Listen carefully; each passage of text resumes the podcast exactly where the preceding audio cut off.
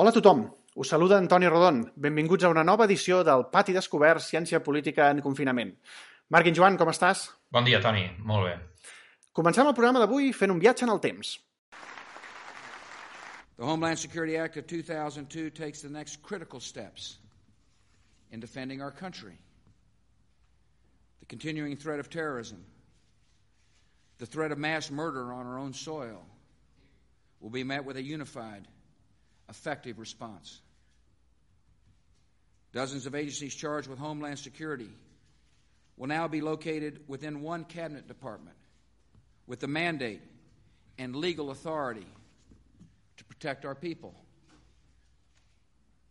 America will be better able to respond to any future attacks, to reduce our vulnerability, and most important, prevent this terrorist from taking innocent American lives. El pati descobert. Ciència política en confinament. Ara sentíem el president dels Estats Units, George Bush, l'any 2002, just després de signar la coneguda com a Home Security Bill. Aquesta llei, que va ser molt polèmica, va, era de fet una de les lleis que desenvolupava una altra norma, la coneguda com a Patriot Act, que es va firmar el 2001 després de l'atac terrorista a les Torres Bessones. Tot i que aquest paquet legislatiu va rebre el suport de la gran majoria d'americans, de seguida va posar sobre la taula en la societat un debat que va ser intens durant molts anys. Es tracta del debat de la seguretat versus la llibertat. Marc, en els últims anys aquest debat sempre ha estat sobre la taula, però és curiós perquè principalment enllaçava dos conceptes, que són els atacs terroristes i com les societats modernes hi han de fer front.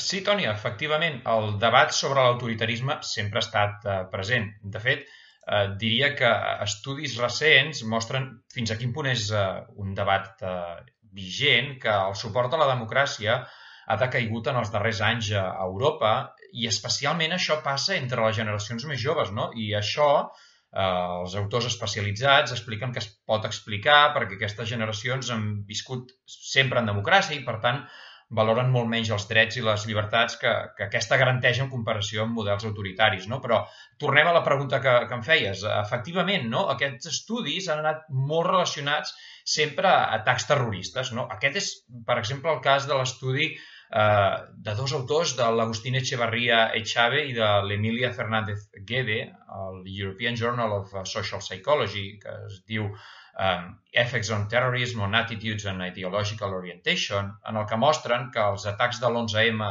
del 2014 a Madrid van provocar majors prejudicis cap a àrabs, cosa que en part que es podia esperar, no? però també cap als jueus, no? així com un increment substancial del suport a l'autoritarisme, eh, així com un increment també dels valors conservadors. I de manera molt similar, eh, dos, autors, eh, dos altres autors, Mark Etherington i Elizabeth Suhey, en un article publicat a l'American Journal of Political Science, van mostrar l'any 2011 que els atacs del, del 9 de setembre, de l'11 de setembre a les Torres Bessones eh, van crear un increment de les predisposicions autoritàries eh, no entre aquella gent que ja les tenien altes, sinó que aquestes les van mantenir, sinó de manera molt preocupant entre aquelles persones que tenien les predisposicions autoritàries eh, més baixes. Autoritarisme, democràcia, eh, atacs a la nostra llibertat, a Europa i a casa nostra aquest debat ha ressorgit amb força, en aquest cas per culpa del coronavirus. Potser l'exemple més clar és el de Víctor Orbán, president d'Hongria, que ha aprofitat el virus per declarar l'estat d'emergència permanent, la qual cosa, com bé sabran potser els nostres oients, li permet governar per decret de forma indefinida. La pregunta que ens fem avui és, i a casa nostra, la gent s'ha tornat més autoritària arran de la crisi del coronavirus? Estem més a favor de restringir la llibertat en pro de mesures de to autoritari?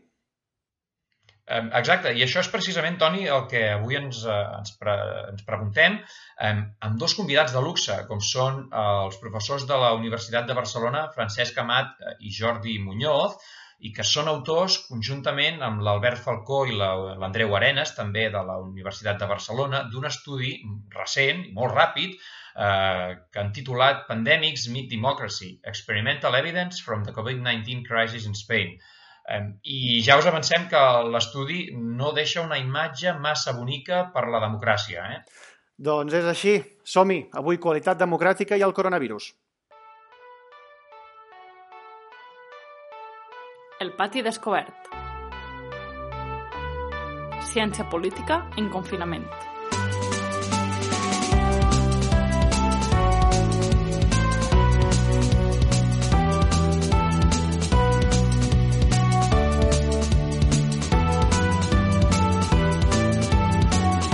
Com us deia, avui ens fa molta il·lusió saludar en primer lloc a Francesc Amat. Francesc, què tal? Què tal? Bé, molt bé. I després també saludem a Jordi Muñoz. Jordi, com estem? Hola, bon dia. Estem bé.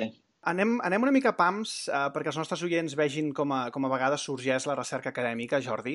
Eh, com vau tenir la idea d'estudiar la relació entre la pandèmia que vivim i les actituds democràtiques?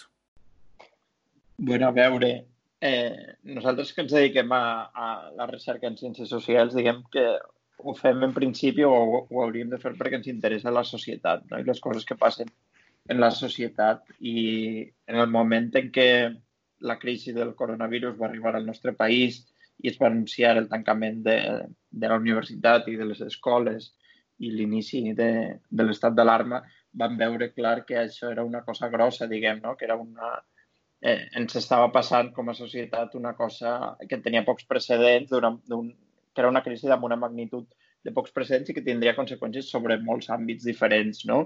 Eh, la qüestió de les, de les actituds democràtiques és una de les qüestions que ens preocupava eh, intel·lectualment, diguem, abans, que, que ens interessa en general com a, com a investigadors en ciència política i, per tant, era lògic que, que la nostra mirada es dirigís cap a, cap als efectes de la crisi del coronavirus en les actituds democràtiques. No? Tot i així, mmm, parlant entre nosaltres, de fet, vam plantejar una agenda de recerca una mica més àmplia que mira les actituds cap a la democràcia, però mira també cap a la qüestió de, les, de la difusió de les normes socials, que potser en podem parlar després, i també més endavant mirarem la, la qüestió dels efectes distributius de, de la crisi i de les polítiques de, de compensació, diguem, que, que es puguen posar en marxa.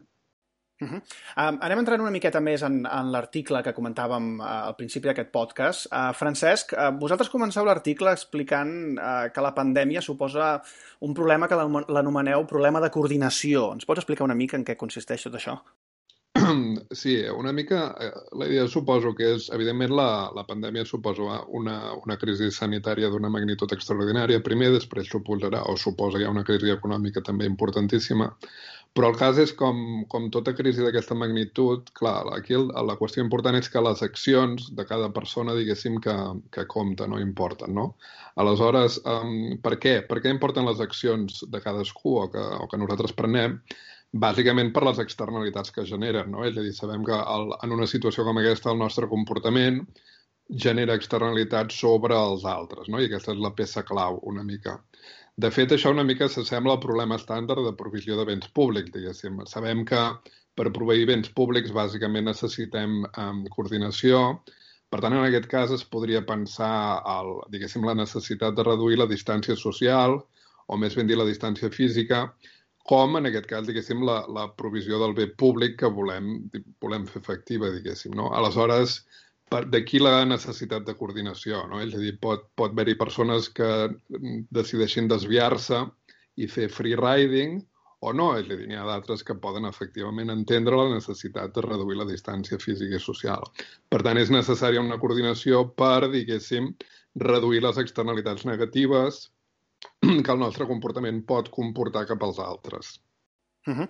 uh, estirant una mica el fil d'això que comentaves ara, hi ha una part del, de l'article del principi que m'ha agradat molt, que, en el que comenteu que hi ha dues maneres de, de solucionar o de solventar aquest problema de coordinació. Una primera manera seria a través de la ciutadania cooperant i complint amb les normes que se'ls dona, i una altra manera seria limitant les llibertats. No? I a partir d'aquí us plantegeu aquesta pregunta de si la ciutadania està disposada a renunciar a certes llibertats en pro d'una protecció més gran contra determinades amenaces, en aquest cas contra el virus. Abans d'entrar una mica més en detall de, del paper, eh, i encara que la pregunta sigui òbvia, però a vegades és, és important fer-se-la, per, per què és important conèixer la resposta a aquesta pregunta? Sí, jo diria aquí, bueno, analíticament, quan vam començar a pensar sobre, sobre aquest problema, és veritat que se'ns apareixia una mica la disjuntiva aquesta de cooperació o coerció, no? A més a més, en una situació on la, la resposta per part dels, dels governants ha de ser una resposta ràpida, a curt termini. Um, per què això és important? A veure, jo diria que és important perquè en el fons el que està en joc és la, la legitimitat de les decisions del, dels propis governants, no? És a dir, si no hi ha una acceptació d'aquestes decisions que es prenguin, la pròpia legitimitat de l'acció del poder polític, del poder públic, pot, pot, pot quedar en entredit, no? Llavors, aquí estem bàsicament on molt a curt termini l'acció pública, els governs han de prendre decisions, per exemple, sobre el nivell de confinament, que afecten el dia a dia el treball, la mobilitat, gairebé la vida íntima de les persones. No? Per tant, diguéssim que hi ha d'haver... En principi, l'ideal seria que hi hagués una certa correspondència entre les decisions que prenen els governants i els governats, és a dir, nosaltres, la, la ciutadania, no? Um, per tant, jo diria que el que està en joc, en el fons, és la pròpia legitimitat del poder polític, no? Aquesta entenc que és la qüestió primordial. Uh -huh. I, uh, Jordi, per uh, respondre a aquestes preguntes utilitzeu un experiment. Uh, per què és important fer un experiment en aquest cas i, i exactament ens podries explicar concretament què veu fer? A veure, mm, vam fer, vam fer una enquesta en la qual vam, vam incloure diversos experiments. No? L'objectiu dels experiments, eh, en, en aquest cas, per exemple, era poder tindre un punt de referència. No? És a dir, si nosaltres preguntem a la gent fins a quin punt estan disposats a sacrificar llibertats a canvi de protecció contra, contra el virus, no? contra la pandèmia, eh, obtindrem una resposta. No? I potser el 60% ens dirà que sí, o el 70 o el 80, però com ho interpretem, com ho avaluem, aquesta resposta? És molt, és poc, és més o menys que en altres casos? I, i el que vam decidir va ser presentar les mateixes preguntes als nostres enquestats, però eh, variant aleatòriament la crisi a la que ens referíem. No? A, a un terç dels nostres enquestats els fèiem aquesta pregunta sobre, sobre aquesta voluntat de sacrificar llibertats a canvi de protecció contra el virus. L'altre terç els hi fèiem la mateixa pregunta, però en canvi eh, l'amenaça, diguem, era el canvi climàtic i ens preguntàvem fins a quin punt estaven disposats o disposades a sacrificar llibertats o, o benestar econòmic o altres coses a canvi de protecció contra el canvi climàtic i a un altre terç els hi preguntàvem pel terrorisme internacional, no? amb la idea de tindre tres amenaces globals que plantegen problemes semblants de cooperació i de coerció, que plantegen dilemes democràtics eh, no exactament iguals, però, però més o menys comparables, eh, per poder tindre punts de referència a l'hora d'interpretar els resultats. No? En aquest cas, l'experiment ens va servir sobretot per això, per, per poder tindre un punt de referència. I com que la divisió dels nostres enquestats en tres grups la fem aleatòriament, ens assegurem que els tres grups són iguals o, o pràcticament iguals en tot, excepte en la pregunta que han llegit. No? I, per tant, qualsevol diferència en les respostes que obtinguem no es deurà que en un dels grups tenim gent més liberal o menys liberal, més progressista, més conservadora, sinó que es deu només a que estan contestant a preguntes eh, referents a amenaces diferents. Mm -hmm. Però, a més a més, una de les virtuts d'aquest uh, article és que, a més a més de tenir dades experimentals, també teniu dades panel, és a dir, que ens podeu remetre enrere en el temps i mirar també no només la referència en relació a l'experiment que heu fet, sinó en un moment previ en el temps. És així, oi? Sí, afortunadament, i això no és perquè nosaltres haguéssim previst, diguem, que, que arribaria aquesta crisi del, del coronavirus, sinó en el nostre grup de recerca dos mesos abans havíem fet una enquesta amb, amb alguns experiments i així que incloïa preguntes sobre preferències democràtiques i, i molt concretament sobre, sobre suport al govern tecnocràtic, no? aquesta idea de que els han de governar els experts i no els polítics o que les decisions públiques s'han de basar fonamentalment en, en criteris tècnics i no, i no polítics. No? Mm, I vam aprofitar, diguem, que teníem aquestes mesures fetes a finals de gener, que era just el moment anterior a l'arribada de, de la pandèmia a Europa, per a tornar a entrevistar a les mateixes persones i tornar-los a fer aquestes preguntes a banda de preguntes noves, evidentment. No? I això ens dona, ens permet comparar com estaven responent com estava responent la gent abans i després de la pandèmia. No? I això ens dona, un, un, de nou, un punt de referència molt interessant i molt important per a tractar d'estimar quin ha sigut l'efecte de, del coronavirus en aquestes preferències. No? Perquè si només observem les preferències després de l'arribada de la crisi, no sabem si, si l'arribada de la crisi ha causat un augment o una disminució. En canvi, si podem observar els mateixos individus abans i després, en un període molt curt de temps, raonablement podem assumir que, que les diferències que es produeixen eh, són degudes a la crisi del coronavirus. Escolta, això és fantàstic. Tu m'imagino els membres de, de recerca, de l'equip de recerca, donant salts d'alegria quan se'n van adonar que havien fet una pregunta d'aquestes característiques. Llàstima que sigui per estudiar quelcom que d'alegria en té poca. Però bé, um, Francesc, anem, si et sembla, el titular de l'article, a la troballa principal. Um, resumint una mica el que trobeu, fruit de la crisi del coronavirus, la gent està més a favor dels governs autocràtics, prefereix una resposta estatocèntrica, vol un lideratge més fort i, a més a més, està més a favor d'una retallada en les llibertats individuals. Aquí no sé ben bé què dir-te, només em, em ve al cap dir-te uau. No sé si us, va, si us van sorprendre aquests efectes. Um, aviam, sincerament us diré que sí. No sé el Jordi que us dirà, però a mi em va sorprendre una mica la, que tot aquest grup de resultats, diguéssim, eh, efectivament anessin a la mateixa direcció. Si tornem una mica al, al que comentàvem abans, no? les dues possibilitats de respondre davant d'aquesta crisi, no? l'acceptació la, de la acceptació de certes mesures de coerció versus mm, una actitud més cooperativa Sí que és veritat que bona part dels resultats semblen anar mm, en una mateixa direcció, no? que és més aviat la direcció potser de l'acceptació la, de, la, de la coerció. No només això, sinó que afegiria també que la, diguéssim, la magnitud dels, diguéssim, dels resultats, dels coeficients estimats, és força important. És a dir, no estem parlant d'una magnitud um, poc important, sinó que els canvis en les preferències són, són realment mm, importants també pel que fa a la magnitud. Sobre això, però deixeu-me dir dues coses més petites. Una és, um, de fet, um, tenim, tenim en mente fer una nova onada, una tercera onada, i ara a finals de maig tornar a fer una, una nova enquesta.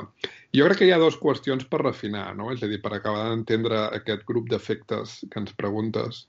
Una és una, una certa qüestió de grau, no? És a dir, si situéssim aquests resultats en un contínum, clar, és a dir, és diferent que una acceptació de la tecnocràcia, una major preferència per la tecnocràcia, qualitativament potser és algo diferent, per exemple, d'una acceptació també directa de, de, de l'autoritarisme pur i dur. No? És a dir, podríem pensar que són, que són passes diferents. Llavors, volem acabar de refinar si és un switch, diguéssim, un canvi cap a l'acceptació de la tecnocràcia o si bé és fins i tot alguna cosa més, diguéssim, una, una acceptació fins i tot d'un cert autoritarisme, no? I després una altra qüestió que potser podem parlar-ne més també és, la segona qüestió important és veure tot aquest grup d'efectes com es comporten més a mig termini. No? És a dir, aquí la qüestió és, això és una espècie de one shot, això és una fotografia, és un canvi que hem observat ara quan, diguéssim, en, en, en, durant el pic de creixement de la, de la pandèmia, o bé és un canvi en les preferències que tindrà, diguéssim, un efecte més permanent en el temps. Aleshores, la qüestió de llarg de termini és molt important, no? per, diguéssim, avaluar fins i tot qualitativament aquest grup d'efectes. És molt important entendre si és, un, si és un canvi a curt termini o bé si d'alguna manera cristal·litzaran i es faran, diguéssim, permanents en el temps. Uh -huh. I, I una mica, um, ja sabem que això és molt difícil de respondre, però quina és la vostra percepció en, aquesta, en relació a aquesta pregunta, no? sobre la capacitat d'aquests uh, efectes de tenir conseqüències més a llarg termini? Perquè, evidentment, sabem que això ha estat un xoc uh, exogen uh, extremadament inesperat. No? Per tant, podem esperar que, tant que un xoc tan inesperat pugui tenir conseqüències molt fortes, però després, a poc a poc, tornar a en el seu moment, en, en, el, en la seva situació original, no? Potser? Sí, això una mica com ho, anal, analíticament com, com ho pensem, és, diguéssim, com una finestra d'oportunitat. No? És a dir, potser el que ha passat és que s'ha obert una finestra d'oportunitat que dona lloc a aquest canvi de preferències a curt termini. Aleshores, potser depèn d'altres fets que puguin passar, d'altres reaccions, de les reaccions dels propis polítics, de les reaccions de la ciutadania, de les percepcions, um, aquestes, aquest canvi en preferències potser cristal·litzarà o no en, en, en, en alguna cosa diferent. Però el que sí que constatem, i potser això per si sol és important, és que aquesta finestra d'oportunitat, pum, s'ha obert, diguéssim. No? És a dir, a curt termini, aquesta finestra ara està oberta. Aleshores, el que podria passar és que determinats polítics aprofitin aquesta finestra que ara està oberta per, diguéssim, potser utilitzar una retòrica més, més tecnocràtica, fins i tot un punt, un punt autoritari, però aquesta finestra ara està oberta. Aleshores, documentar això per si sol és important. Aleshores, quan tu, Marc, preguntes de què dependrà que aquestes preferències que, que, que documentem, que han començat a canviar, doncs evolucionin en una direcció o una altra, doncs, evidentment dependrà de moltes coses, però potser una d'elles, potser important, és fins a quin punt les pròpies elites polítiques o altres agents socials puguin, diguéssim, a cavall d'això fer un, una determinada retòrica o una més de caràcter més tecnocràtic o fins i tot mm, més autoritària, no? Uh -huh. Estaríem pensant, potser voldria dir això que aquesta circumstància donaria una finestra d'oportunitat, per exemple, per partits de caràcter mm, populista, per exemple, partits eh, fins i tot d'extrema dreta, que en el vell continent eh, ja tenen un suport electoral molt i molt eh, elevat? A veure, jo crec que fins i tot si el canvi de preferències es, es dona només en el curt termini, n'hi ha, una, ha una finestra d'oportunitat també en el sentit de que els líders polítics que tinguen ganes de restringir llibertats, d'acumular poder, de centralitzar poder, ara ho han pogut fer sense gaire contestació perquè la gent estava en xoc i estava demandant sobretot protecció contra la pandèmia i estava disposada a acceptar coses que en un altre context ens semblarien a tots inacceptables, però sabem que una vegada s'ha produït un canvi institucional, diguem, és més difícil revertir-lo, no? És més difícil acumular el poder que, eh, que després deixar-lo anar. I, per tant, podria ser que fins i tot si les preferències tornen al seu punt de partida, els que han acumulat poder, els que han centralitzat poder i els que han, han limitat llibertats mm, poguessin tindre la temptació de perpetuar en el temps eh, aquests límits a les, a les llibertats. No? Un, un cas bastant, bastant evident, que se n'ha parlat molt aquests dies, és el d'Hongria amb Orbán, no? que va passar uh -huh. un, un decret de poders especials que, que limita molt, diguem, per exemple, el paper del Parlament, la, la divisió de poders, els contrapesos, les garanties, etc etc. I això potser ha vingut per a quedar-se aprofitant l'oportunitat, diguéssim. Uh -huh. um, ara que de fet parlaves de centralització o d'estatalització més aviat, Jordi, um, jo quan vaig llegir l'article um, vaig mirar a veure si sortia a Catalunya i curiosament vaig anar a parar l'apèndix i he vist que teníeu uh, una petita mostra de, de casa nostra. Um, no sé si tots aquests patrons que estàveu explicant abans també són traslladables a Catalunya o simplement la, les dades que tenim són poques i no podem arribar a aquesta conclusió. Aviam, la, la nostra mostra no l'hem dissenyada per a, per a respondre preguntes a nivell català, sinó a nivell estatal, que també és com estava dissenyada la mostra anterior, diguéssim, eh, i per tant no, no hem analitzat sistemàticament tot el que passa, no? Eh, tots el, no hem replicat tots el, totes les anàlisis eh, de manera separada per Catalunya perquè tenim 200 i pico entrevistes, diguem, a, a, nivell de Catalunya i, per tant, són molt poques per, per treure'n massa l'aigua clara. De tota manera, la, la, en les preguntes referents a la centralització del poder, evidentment, a Catalunya n'hi ha unes preferències de partida molt diferents sobre, sobre si el govern central ha de tindre tot el poder o no. I, i a més a més, no, no només les preferències de partida són molt diferents, sinó que veiem evidència també de que ha hagut menys canvi en direcció centralista, diguéssim. No? En, en la resta de l'Estat s'ha produït un moviment cap al, cap al centralisme, no? aquesta idea de que és el govern central espanyol el que ha de gestionar el, el que ha d'acumular tot el poder per a fer front a aquesta crisi i això a Catalunya no s'ha produït de la mateixa manera ni molt menys. Uh -huh. Última pregunta, perquè ens estem quedant sense temps. Uh, Francesc, uh, ja sé que abans ho has comentat breument, però mm, deixa'm que uh, doni peu a especular una miqueta, que és en relació al nostre país, uh, i una mica estirant el fil del que ara deia en Jordi, no sé si mm, veus un panorama més aviat optimista o pessimista. és, sí, gràcies, Toni. És una pregunta difícil, no? Perquè, com dèiem abans, primer hem d'avaluar, diguéssim, la qüestió de grau d'aquest canvi en preferències, no? És a dir, saber dir exactament si és un... si el que està passant és una major acceptació de la tecnocràcia o fins i tot una cosa més, diguéssim, una, fins i tot una certa preferència per l'autoritarisme. Aquesta qüestió de graus és important poder, diguéssim, destriar el gra de la palla Um, tot i que algú podria dir que bueno, la qüestió de grau, no? tota la literatura en economia política, el que està dient, els llibres del Ziblatt i Chaborsky i tal, el que ens diuen és que, que evidentment és una qüestió de grau sempre, però que fins i tot petits canvis o l'acceptació de petites pèrdues de llibertats o de petites manipulacions poden tenir conseqüències greus a curt termini. Per tant, diguéssim, en el pitjor escenari, fins i tot és, si és una purament una qüestió de grau i és un continuum, per petita que sigui l'acceptació, mm, pot ser delicada o pot, pot tenir conseqüències greus. No?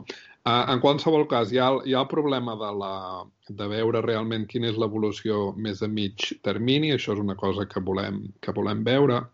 I després, per acabar, tornant al principi, no, començàveu preguntant sobre per què aquesta pandèmia suposa un problema de coordinació. Clar, uh -huh. suposa un problema de coordinació no només entre la ciutadania, sinó bàsicament també entre, entre governants i governats, no? és a dir, entre la classe política i la pròpia ciutadania. Aquí potser el que estem veient és que tant la ciutadania com la bona part de l'elit política sembla haver anat en una mateixa direcció, no? que és aquest, potser una, una major acceptació de la tecnocràcia. Ho dic perquè potser encara seria pitjor, imagineu-vos un escenari on uns i altres anessin en direccions oposades, no? És a dir, la, la, l'elit eh, governant volgués una, clarament anar cap a una solució molt tecnocràtica i la ciutadania majoritàriament no.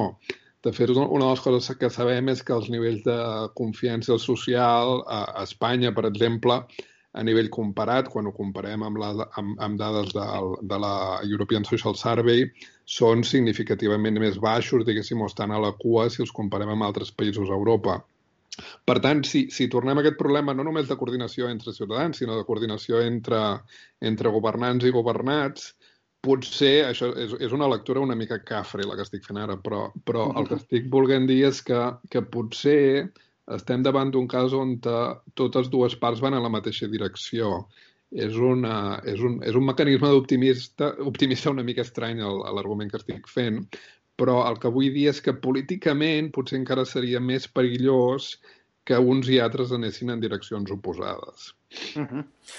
Molt bé, amb aquesta nota uh, acabem, ho deixem aquí. Uh, Jordi Muñoz, Francesc Amat, estarem molt atents uh, a la continuació d'aquests estudis que esteu fent i que poden tenir tantes implicacions en els nostres sistemes de democràtics actuals.